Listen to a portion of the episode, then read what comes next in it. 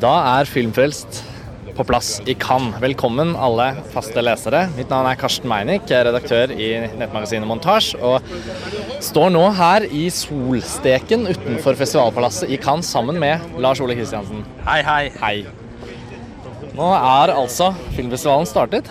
Um, I fjor, da vi var her for første gang, uh, da introduserte vi jo på en måte en litt sånn umiddelbar eh, podkast Hva skal vi kalle det? Sånn, et format hvor vi kunne diskutere filmer vi ser her i Cannes umiddelbart. Eh, og det er jo noe vi har fått mye tilbakemelding på. Folk syns det er gøy å høre på, og vi syns det er gøy å gjøre det. Så nå står vi her igjen i en kø på vei inn til den nye kasakhstanske filmen 'Student' i en South Guide.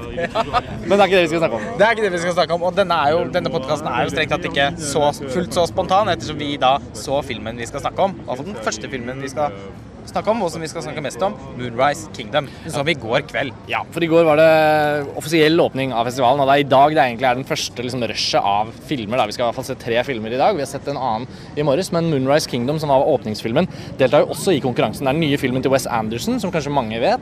Um, traileren kom tidligere i år, veldig positive reaksjoner. Folk er generelt veldig glad i filmene til Wes Anderson. Han har egentlig aldri helt laget en dårlig film, men nå for første gang i konkurransen i Cannes. Så vi var jo det var jo en ganske ladet, forventningsfull Ja, absolutt. Nå er det jo sånn, Du hadde jo faktisk ikke sett trailerne og sånn på forhånd, så du gikk jo veldig jomfruelig inn på den filmen. Ja, det- det misunte jeg deg Ja. litt, uten at det gikk utover min opplevelse, men det kan jeg tenke meg har vært ekstra kult. Ja, altså, jeg tipper de fleste som følger montasje og leser filmpress, vet jo at vi ser de fleste trailere og følger med på alt mulig. Men man blir jo ofte liksom Man får en forhåndsinnstilling til de fleste filmer. Og på, i Cannes så er det jo en av de få anledningene, sånn som den vi skal se nå, den kasakhstanske filmen, som vi har ingen idé om. Eh, men også med en film som Moonrise Kingdom, som jeg i utgangspunktet egentlig kunne ha fulgt hypertett. Så fikk jeg det bare litt sånn for meg. Jeg tenkte, sånn, jeg tenkte bare helt enkelt at for første gang nå skal jeg bare ikke se noe trailer, for jeg vet at jeg kommer til å se den filmen aller første anledning. Og første anledning ble jo nå i Cannes, det var jo helt perfekt for meg. Det var en veldig deilig film å ikke ha sett eh, noen klipp fra. Ja, det kan, kan jeg tenke meg. Og på tross av at jeg hadde jo da sett traileren og, og, og, og flere ganger. Eh, men det begynner å bli en stund siden. Men jeg har bare, jeg så den og tenkte OK, nå ser det ut som Wes Anderson virkelig er liksom i siget. Så, så jeg har hatt veldig høye forventninger til Moonrise Kingdom. Men det var jo likevel knusende hvor bra den var. Ja, for det var en helt fantastisk film. Vi må bare si det med en gang. helt fortryllende god film. Det har vært veldig mange positive reaksjoner fra andre også, men det er jo eh, vi, vi rakk jo nesten ikke å lese noen ting, for vi så den jo veldig veldig med en gang. Og da blir man sittende med en følelse av at man bare gjør en stor oppdagelse, uansett hvor tydelig man hadde forventninger til at Wes Andersons film var noe man gledet seg til. Jeg ble helt slått i bakken av dens emosjonelle kraft, ikke minst. Det er jo en million ting å snakke om, og nå skal vi først bare ha en festivalpodkast. Det blir sikkert artikler om filmen. Den har premiere i Norge om bare noen uker.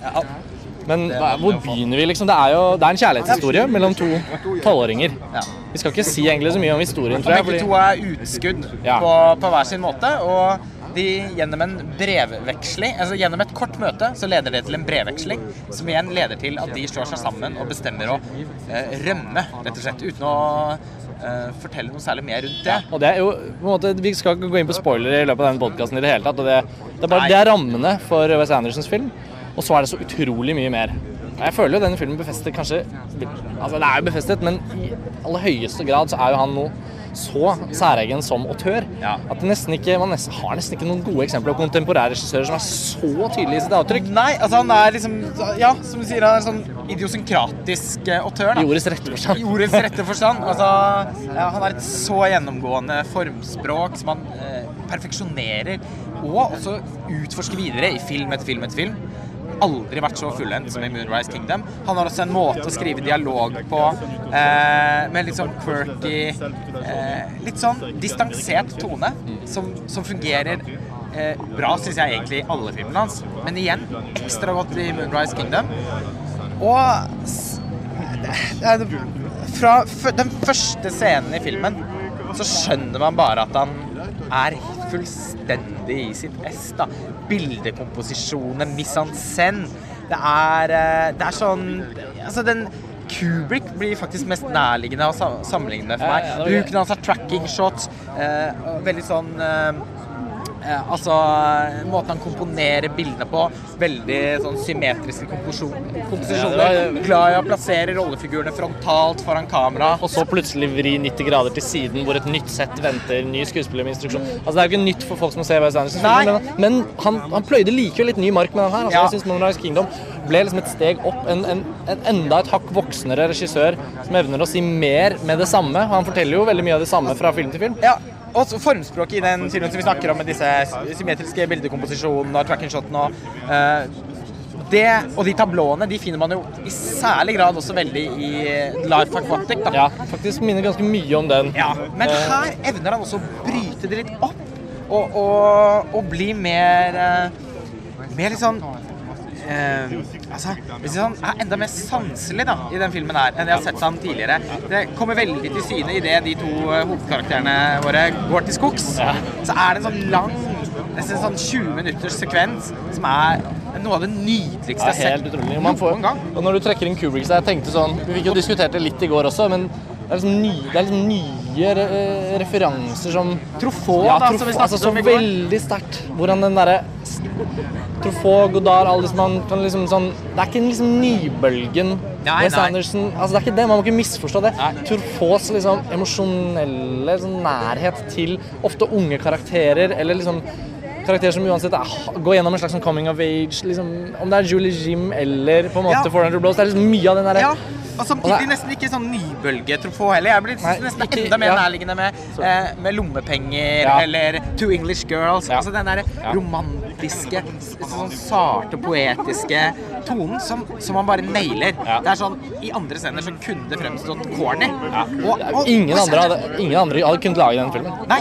Fins ikke. Nei. Og så har Wes Anderson lyktes liksom med alt han er god på, og mer. Og jeg har jo kanskje hatt et enda mer uttalt kjærlig forhold til Wes Anderson enn deg sånn frem til nå. Ja, det vil jeg si. jeg merker når vi har diskutert Ja, det ja, tidligere. ja. Altså, Rushmore for meg står jo som hans virkelig det er en film jeg kan se om og om, og om igjen. Ja. En av mine, sannsynligvis en av mine favorittfilmer hvis jeg skal begynne å lage den listen, som jeg aldri ender opp med å lage. Så jeg vet du har veldig sånn. Men, eh, og så fikk jeg sett eh, Royal Tenenbaums igjen eh, forrige måned, og, den hadde jeg ikke sett siden jeg så på kino. Det har kanskje vært den Wes Anderson-filmen som jeg ikke var helt på lag med, men som andre folk likte best. Så, så Wes Anderson har hele tiden, selv om han er så respektert og veldig likt, så har han kanskje ikke helt landet i den derre stemplet som noe sånn virkelig. Og det er jo, og vet jeg at våre lyttere og lesere Dette ordet har vi nok brukt mye, men her er det et mesterverk i liksom ordets rette forstand. Den syvende filmen til Wes Anderson. Kanskje ikke nødvendigvis, jeg kan ikke utrope den til å være bedre enn Rushmore for meg nå, men et førstegjennomsynsnivå ligger enormt høyt, og høyere enn Rushmore. Så er jeg liksom kjærlighetsforholdet til Rushmore Ja, ja, liksom, som jeg, dyrket og frem jeg synes jo også Jeg har jo også hatt Rushmore som min favoritt Wes Anderson-film, selv om jeg ikke er like liksom eh, Jeg har ikke like nært forhold til den som deg. Men jeg, jeg har likt alle Wes Anderson sine filmer. Eh, men, eh, men det er, ingen av de har fått et sånn 100% elskapsforhold til. og, og det blir jo det, det skjedde med øyeblikkelig med Moonrise Kingdom. Det er en film jeg forestiller meg at jeg kan se 10-20 ganger. Og, Det er så glede av å mye- vise den til alle man kjenner. Det er så mye mye å se på og høre på. Jeg tenker sånn Lære seg sitat fra filmen. Man får lyst til å bare se filmen bare for å høre på musikken. Musikkreferanser. Altså sånn. Om det, musikken til ja. Alexander Desplat. Ja, som, altså, han lager jo ti soundtracks i året. Han, lager filmen til den forrige filmen vi, den filmen vi så i dag også. Ja, Eh, men dette syns jeg jo er det mest bemerkelsesverdige han har gjort siden The Ghostwriter. da Ligner også litt på The Ghostwriter. Sånn Jeg syns det lignet litt på de temaene i Tree of Life. De hører man jo nesten ikke i Tree of Life, men hvis du har hørt på det soundtracket, det var noe, jo det. noe der. Og det var kanskje enda tydeligere den vi så i morges, faktisk. For da var det noen sånne Ja, det kan vi snakke om på ja, en men, ja, men jeg syns. Ghostwriter er en bedre Ja. parallell eh, til Ja, du Kingdom, ja, men eh, Det ikke Kongens tale, altså? Og det har noe med Tree of Life, så er det også ganske overstyrt av Terence Malicks favorittmusikk. absolutt, absolutt. Men Desplat var jo også på plass i Wes Andersons forrige film. Uh, Fantastic Mr. Fox. Så jeg ser jo liksom at det, det, er, det er veldig fint å se Wes Anderson bygge liksom nye kunstneriske samarbeidspartnere, nye relasjoner. Uh, og Vi snakket litt om det i går, men jeg har lyst til å gå litt inn på det at jeg synes Tidvis i Moonrise Kingdom så er det så, så uttalt sånn formgrep ned til nesten animasjonsnivå. Altså spillet mellom på en måte grafikk, font, uh, setdesign og tidvis uh, miniatyrbruk og animasjon. Det virker som Wes Anderson har plukket opp liksom noe fra seg selv da han lagde Mr. Fox, Ja, som var liksom hans første animasjonsfilm. Og så er det inkorporert i Moonrise Kingdom, som gjør at den filmen også da kanskje er med på å heve han enda noen hakk opp. da. Det er så gøy å se at det er en reell utvikling. Og, så, og det bidrar også til at den føles nesten enda mer idérik da, enn tidligere Wes Anderson-filmer. Er det noe alle Wes Anderson-filmer skal ha, så er det jo at de bugner over av visuelle ideer. Men denne gangen er det bare helt vanvittig. Jeg kan ikke huske sist jeg så en film som var så Det er også noe jeg sier ofte. Ikke? Jeg kan ikke huske sist, så er det kanskje bare punch. Men, men Jo, men, men likevel. På det nivået av visuell eh, oppfinnsomhet at hvert eneste bilde, hver eneste scene byr på noe nytt. Det er nesten Det blir at man tenker på liksom filmer som Ja, nå nevnte jeg Kubrick i stad. Det er nesten sånn Uten sammenligning for øvrig er Clockwork Orange. Liksom, hver eneste scene har noe nytt, da. Men det er også fantastisk å tenke på at Wes Anderson som er en regissør som i så stor grad har sånn kreativ overflod.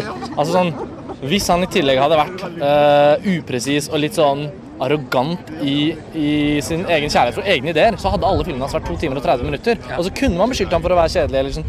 Altså, Moonrise Kingdom har ikke et frame for mye. Nei, nei, Nesten nei. et frame for lite. Ja, ja. Altså, Man ville jo aldri at den skulle slutte. Nei, det gikk tidligere så fort at det var sånn Oi, oi, nå skal jeg få liksom nå, Jeg fikk med meg liksom, Nå var det jo tekster på fransk og sånn, så vi, det var liksom tidvis og litt mumlende karakterer. Som Ja. bra karaktertrekk, da. Ja. Men da tenkte jeg bare sånn Åh, åh vi skal se den igjen. Og det er mer å hente. Det er mer å hente. Fantastiske disse to Ja, Vi må snakke litt om castet. Ja, det må vi. De to hovedpersonene. Ingen har spilt i film før. Eh, Ja, de var så nydelige at jeg Ja, de var jo Altså, jeg blir Ja, det, var, det var til å grine av. Det var så nydelig. Det var liksom en melankolsk forelskelse mellom tolvåringer. Som på en måte Den har alt det barna har, men den har også den lille ungdomsstegen i ungdommen og den derre bevisstheten på seg selv som en person i verden, hvor han blir oppfattet av andre. Og, Og det er liksom Selv om man menneskeliggjør de altså Det er også gjennomgående egentlig i alle Wes Anderson sine filmer at barna fremstår gjerne som små voksne. Miniatyrvoksne, og det gjør de her òg. Et veldig fint grep som jeg alltid syns fungerer, og som kanskje fungerer enda bedre i denne filmen enn i noen annen Anderson-film. Og så er det så åpenbart at de er castet som figurer, og det synes jeg er så flott. Man skal ikke undervurdere det. Sånn som Michael Hanek også snakket om i forbindelse med Det hvite båndet. Ja. Han utelukkende castet barn etter utseende, for han mente at ingen egentlig kunne spille uansett. nei. Også, Hun skal se snill og litt ond ut. Du passer perfekt. Og, og noe mer perfekt enn hun da som spiller eh, Susi. Ja, Suzy. Ja. Ja. Det var vel det hun het. Det er jo et lite mesterverk i seg selv, bare å se henne i de kostymene. Og, og han lille Bak de gutten med den lille dunebarten, store brillene. Anelse av dunbart. Det er liksom sånn, du kan ikke, du kan ikke liksom Jo, du kan jo lage det, men det er liksom Det er han. Ja. Og, så, og, så, og, ingen av dem er heller sånn der, Sånn som ofte amerikanske barneskuespillere kan være på feil måte. Sånn overinstudert flinke til å spille. Nei. Eh, liksom er ikke karakterer. sånn. Dakota Fanning. Nei, nei, nei, dette er sånn barn som er på en måte basically seg selv, og som tar med seg sine De er ikke liksom i hermetegn gode til å spille, men nettopp det at de ikke er det, og at de er liksom inne i West Andersons univers, som han kontrollerer med 110% selvsikkerhet, så blir det at de av og til blir mumlete eller sender et rart blikk eller noen ting, det er karakteren. Misforstå ikke det som dårlig skuespill. Jeg frykter at en eller annen sløv kritiker kommer til å liksom beskylde filmen for å ha sånn utroverdig skuespill fra barneskuespilleren, men det er nettopp det motsatte. Eh, og, og det at han likte så godt med de to karakterene, når historien i seg selv og manuset i seg selv var så velfundert, så oppstår de derre Én pluss én er tre Ja. hele veien gjennom. Og så er den også befriende i forhold til at den, med tanke på at den er en amerikansk film, da, så er den også, den er også befriende lite bluferdig. Åh. Når det første kysset kommer, Ja. uten å si noe mer. Den sekvensen er litt fin å se uten å vite for mye.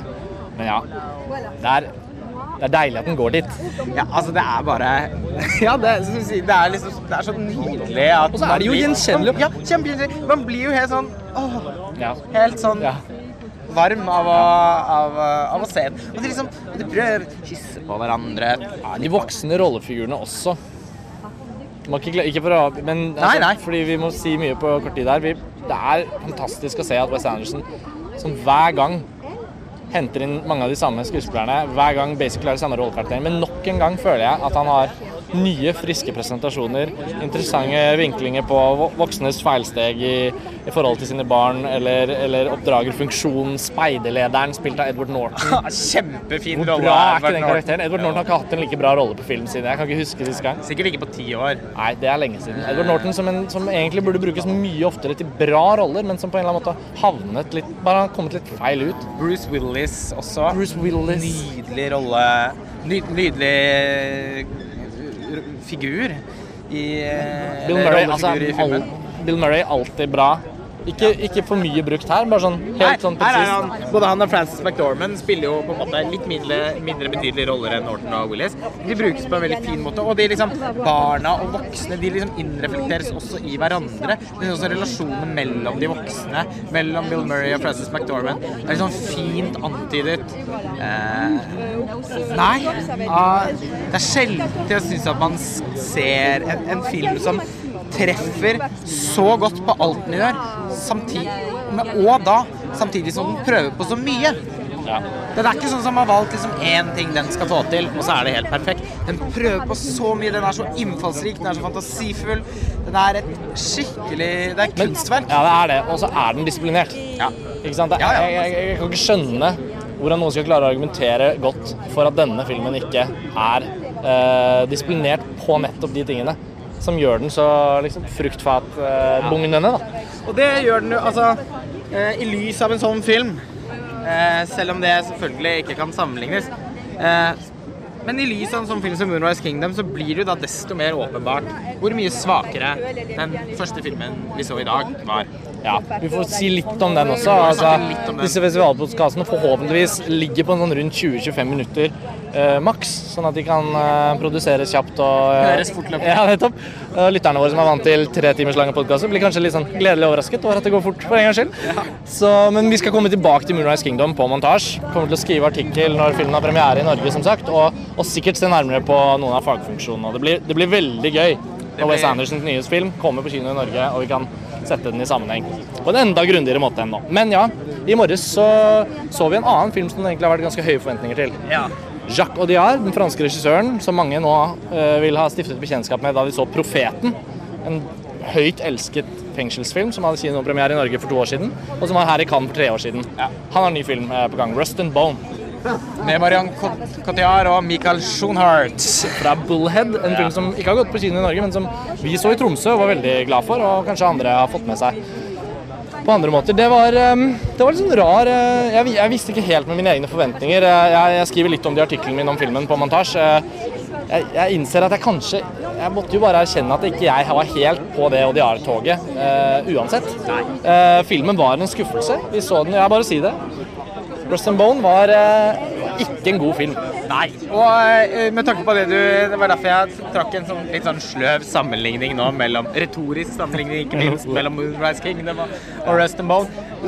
Eh, Når vi snakker om at Moonrise Kingdom er så disiplinert, noe av det som oppleves som særdeles skuffende eh, med Jacques Audiards nye film, også med tanke på at han burde være på et nivå nå hvor han ikke var skjemmet av barnesykdommer i filmene sine. Og det er at den er veldig udisiplinert, den er klønete fortalt, den har mange sånn subplott som, som ikke går opp. Eh, delene klarer liksom aldri å bli en helhet.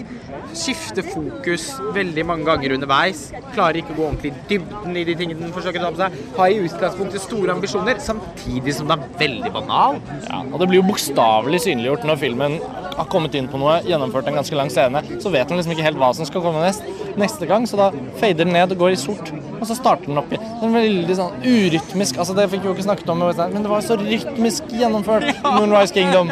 Og så ser man denne filmen her, så blir det så synlig, og det var vel det du skulle frem til, at når du først har en så god film i bagasjen, og det var jo litt sånn i fjor òg, etter Tree of Life eller Melancholia, ser noe annet, så er det sånn Oi, ja, det, er ikke på nivå, da. Og det er sånn det føles. Rust and Bone. Det er faktisk en film som jeg ikke syns uh, fortjener å være i hovedkonkurransen. Ja, det er såpass, og det er en film jeg ikke har lyst til å anbefale. Det er så, den er ikke så Den er liksom ikke sånn Den er ikke et makkverk dårlig. Mange her som liker den også, tydeligvis. Men jeg syns det er noe sånn objektivt svakt over den, som gjør at jeg tenker sånn Nei, den trenger ikke folk nødvendigvis bruke tiden sin på. Det man nødvendigvis er nødt til å nevne, da, eh, for å ikke være helt urimelig, som Karsten sier, så er det jo ikke, det er ikke en veldig dårlig film. Eh, Den har, den har noen opplagte lyspunkter. Marion Cotillard gjør en kjempegod rolle, syns jeg. Jeg er enig i at eh, karakteren hennes er underutviklet, så, så det går nødvendigvis også utover, utover hennes prestasjon, i den forstand at Ja. det, det er grenser for hvor mye inntrykk hun klarer å gjøre, men hun gjør, spiller kjempe, kjempebra. Og Michael Ja. Schonhardt også. Nå er jeg veldig på side med den nederlandske Ja, ja. Det var litt, Schonhardt. Litt ufyselig. Han er belgisk. ja, eh, belgisk, ja. Men, uh, men han uh, uh, Han spiller jo også veldig fint her, men er åpenbart typecastet for å spille en lignende rolle som han gjør i, eh, i, i, I Bullhead. Bullhead, ja. Og det er, liksom, det er litt sånn kjedelig å tenke at han for all fremtid skal være dømt til å spille sånne okselignende karakterer. og han gjør den jo veldig mye bedre i Bullhead. Nå er vi på vei inn på den kasakhstanske filmen, så nå må vi rett og slett bare avslutte. Det er vi nødt til. Det var årets første podkastepisode. Folk må glede seg til Moonrise Kingdom. Vi kommer straks tilbake.